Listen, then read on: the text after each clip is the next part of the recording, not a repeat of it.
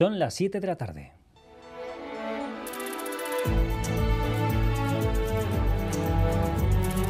Gambara con Xavi Segovia.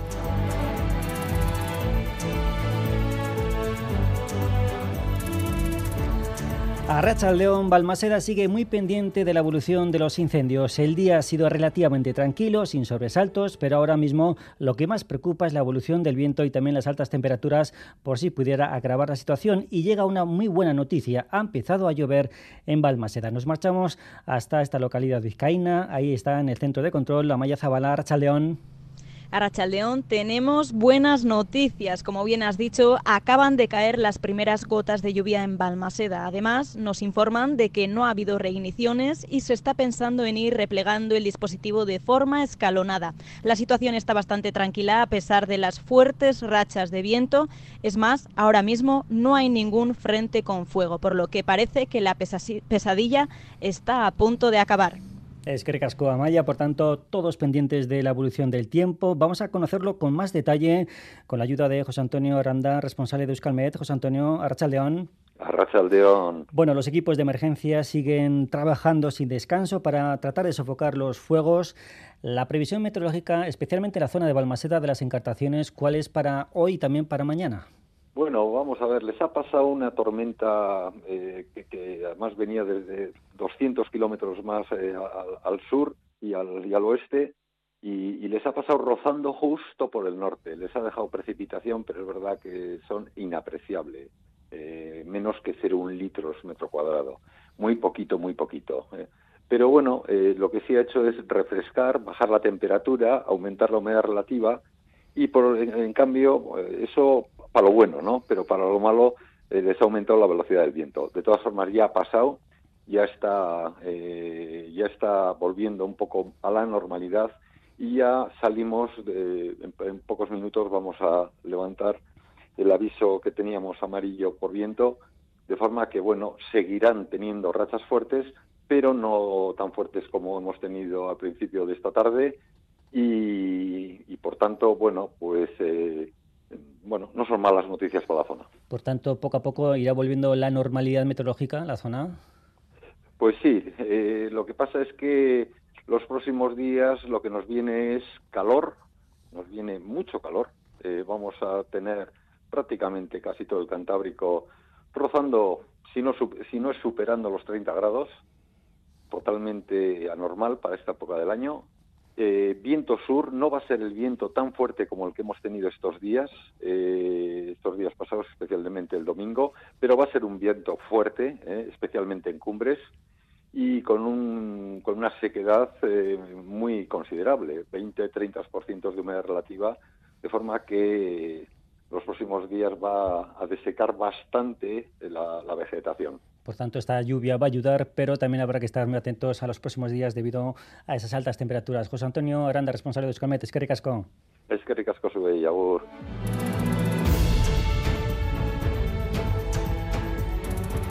Y en el ámbito político, esta mañana se daban a conocer los detalles de los presupuestos vascos para el año 2023. Unas cuentas que serán las más amplias de la historia, con más de 14.000 millones de euros. Unas partidas que estarán destinadas especialmente en salud y educación. Así lo valentaba el consejero de Economía y Hacienda, Pedro Aspiazo. Nuestro proyecto de presupuestos destina un 76% del total, 10.254,6 millones, a políticas sociales, siendo salud, educación y los departamentos que mayor incremento presupuestario presentan. El Gobierno vasco mantiene su firme apuesta por la inversión pública superando los 1.800 millones de euros, un 14,8% más que el año 22, y por una I más D más I con un incremento del 12% hasta alcanzar los 658,4 millones de euros. Y el delegado del Gobierno en Euskadi, Denis Ichazo, ha salido al paso esta mañana en Euskadi Ratia la petición del Indacari de crear un poder judicial propio para la comunidad autónoma vasca. El delegado del Gobierno cree que no tiene sentido. gaur egun ez duela zentzu handirik eskumenen ikuspegi esklusibo bat garatzea are gutxiago justiziaren esparruan, ez?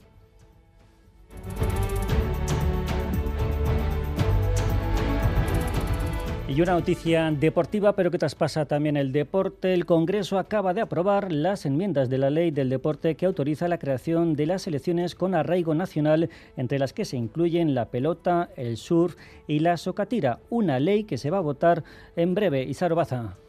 Sí, la ley del deporte reconocerá la oficialidad de la Euskal Selección en algunos deportes para que puedan competir internacionalmente. Hablamos de deportes de arraigo nacional. Este aspecto se incluirá en el texto a través de una enmienda transaccional del PNV y PSOE, cumpliendo así con uno de los puntos del acuerdo de investidura entre los yelzales y los socialistas. Ahora la incógnita a despejar es que deportes podrán acogerse a esa etiqueta de arraigo nacional. El Euskadi Burubachar, Antonio Ortuzar, dará los detalles del acuerdo en los próximos minutos.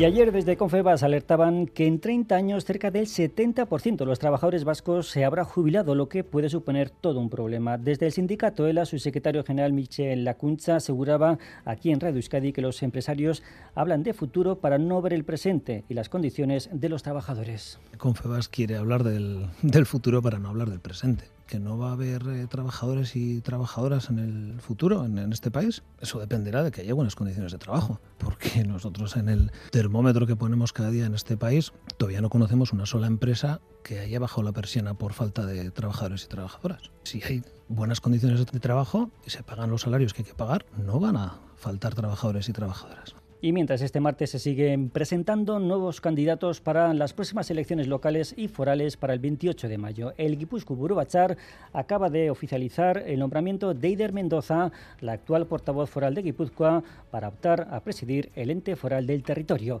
Y mientras en Álava aún se desconoce que Gelchales optarán a la Diputación de Álava y a la Alcaldía de Gasteiz. Su actual regidor, Gorka Hurtaran, no aclaraba en ITV1 esta mañana si seguirá en el cargo, pero aseguraba que llegará el día en el que deba dejar su puesto. Ni ez nintzen iritsi udaletxera, e, u, e, ez dakit, e, bultzaka eta ukondokadaka, eta ez naiz joango aulkiari helduta. E, badakit egunen baten ailegatuko dala egun hori, eta egun bueno, hori ailegatuko denean, pues, gauza onak hartuko ditut, eta saiatuko nahi txarrak egiten, ez? bizitzan egiten dugun bezala. Y noticia relevante también de esta tarde, el hasta ahora consejero delegado de Iberdrola, Ignacio Sánchez Galán, deja el cargo que llevaba ocupando desde el año 2006. El Consejo de Administración de la Eléctrica Vasca ha acordado separar los cargos de presidente ejecutivo y de consejero delegado, un movimiento que sin embargo no supondrá la pérdida de poder de Sánchez Galán, David Beramendi.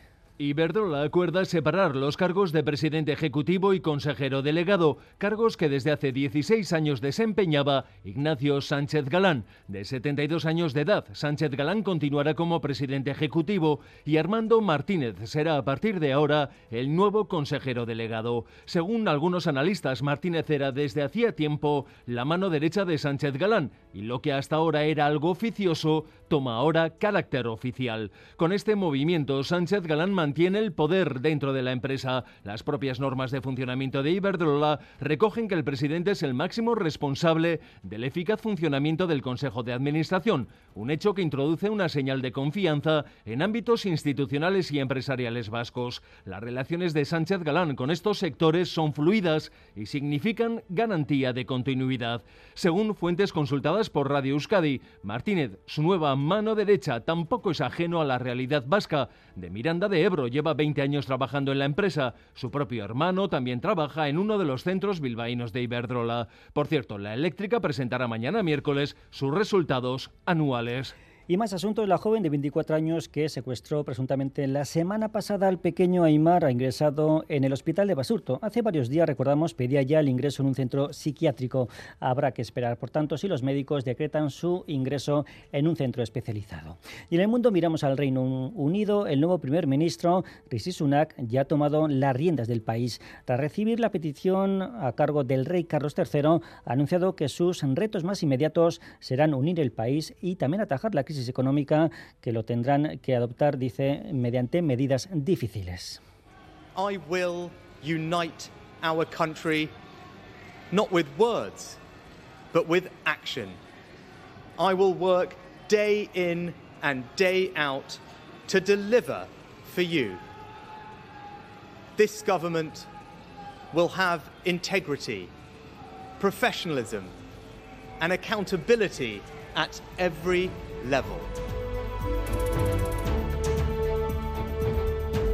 Y en casa, el soterramiento de la avanzada da un nuevo paso al anunciarse a partir de abril el inicio de las tan esperadas obras. Lo anunciaba el diputado de Infraestructuras de Vizcaya, Imanol Pradales que el proyecto para construir la avanzada del siglo XXI se licitará la semana del 7 de noviembre con un presupuesto inicial de 65 millones de euros. Las obras van a empezar el próximo mes de abril y se prolongarán durante 41 meses. Vamos a acabar definitivamente con la brecha que divide Leyoa, unimos el municipio y sobre lo que hoy es una trinchera por la que hay miles de vehículos transitando a cielo abierto, vamos a tener un bulevar en Leyoa de una longitud de 620 metros y el Pleno Político de Donostia ha abordado uno de los proyectos más deseados en la capital guipuzcoana, la venta de los terrenos del cuartel de Loyola, algo que el alcalde Eneco Goya ha adelantado que se va a llevar a cabo antes de final de año.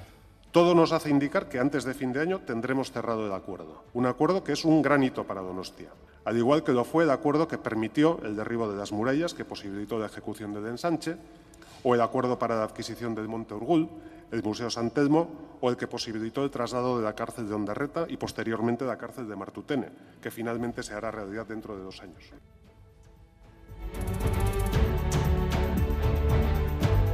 Y seguro que muchos de ustedes eh, han sufrido esta mañana. La aplicación de mensajes WhatsApp, la más utilizada en el mundo, se ha caído mundialmente, afectando a millones de personas sin poder conectarse ni enviar ni recibir mensajes. John Fernández Moore. Así es, WhatsApp ha dejado de funcionar esta mañana, dejando sin servicio a sus 2.000 millones de usuarios en todo el mundo. Han sido casi dos horas en blanco, sin poder mandar ni recibir mensajes. Poco antes de las 11 de la mañana se acababa lo que para algunos ha sido un sin vivir. Meta, la empresa matriz de WhatsApp, no ha detallado las causas de la caída del servicio. Y en la cultura les recordamos que desde hoy hasta el 2 de diciembre el Museo de Guggenheim tendrá entrada gratuita con motivo de su 25 aniversario.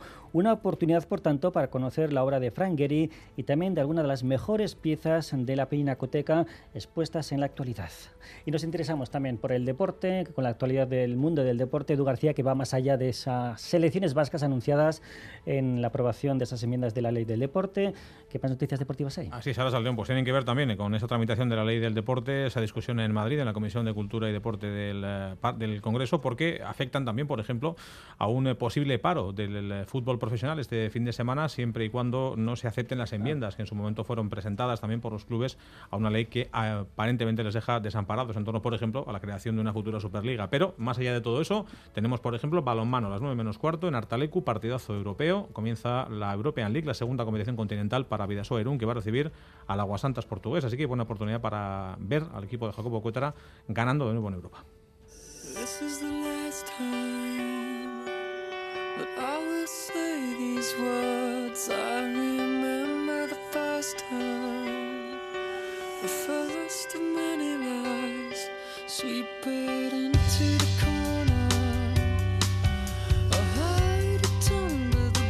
Y este 25 de octubre se cumplen ya 43 años de la firma del Estatuto de Guernica. Más de cuatro décadas después son varias las competencias que aún quedan pendientes de ser transferidas, pero en este aniversario nos hemos preguntado sobre qué saben los jóvenes sobre el Estatuto de Guernica.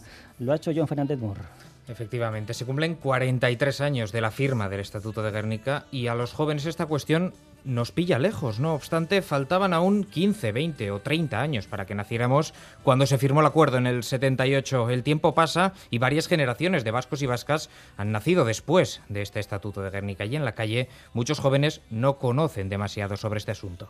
¿Qué sabríais decirme del Estatuto de Guernica? Nada. Nada. Os queda como muy lejos, ¿no? sí, sí. Pues, si te soy sincero, la verdad es que no tengo.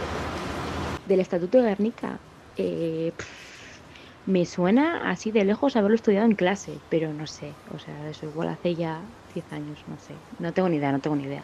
Ya, no, no podría inventarme nada porque es que no, no, no sé nada de esto.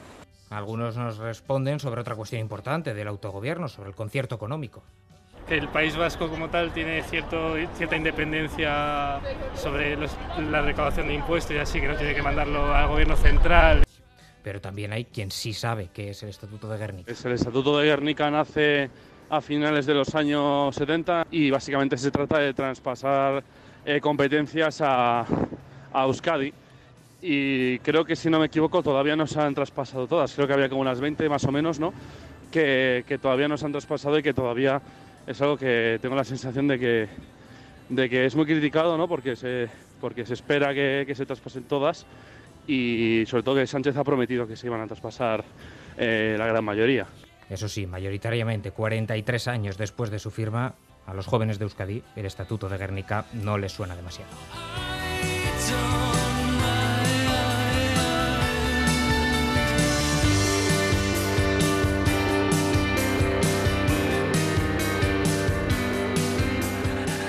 7 4 de la tarde, el saludo de Xavi Segovia y de Miguel Ortiz y Alberto Zubeldia en la parte técnica. Comenzamos.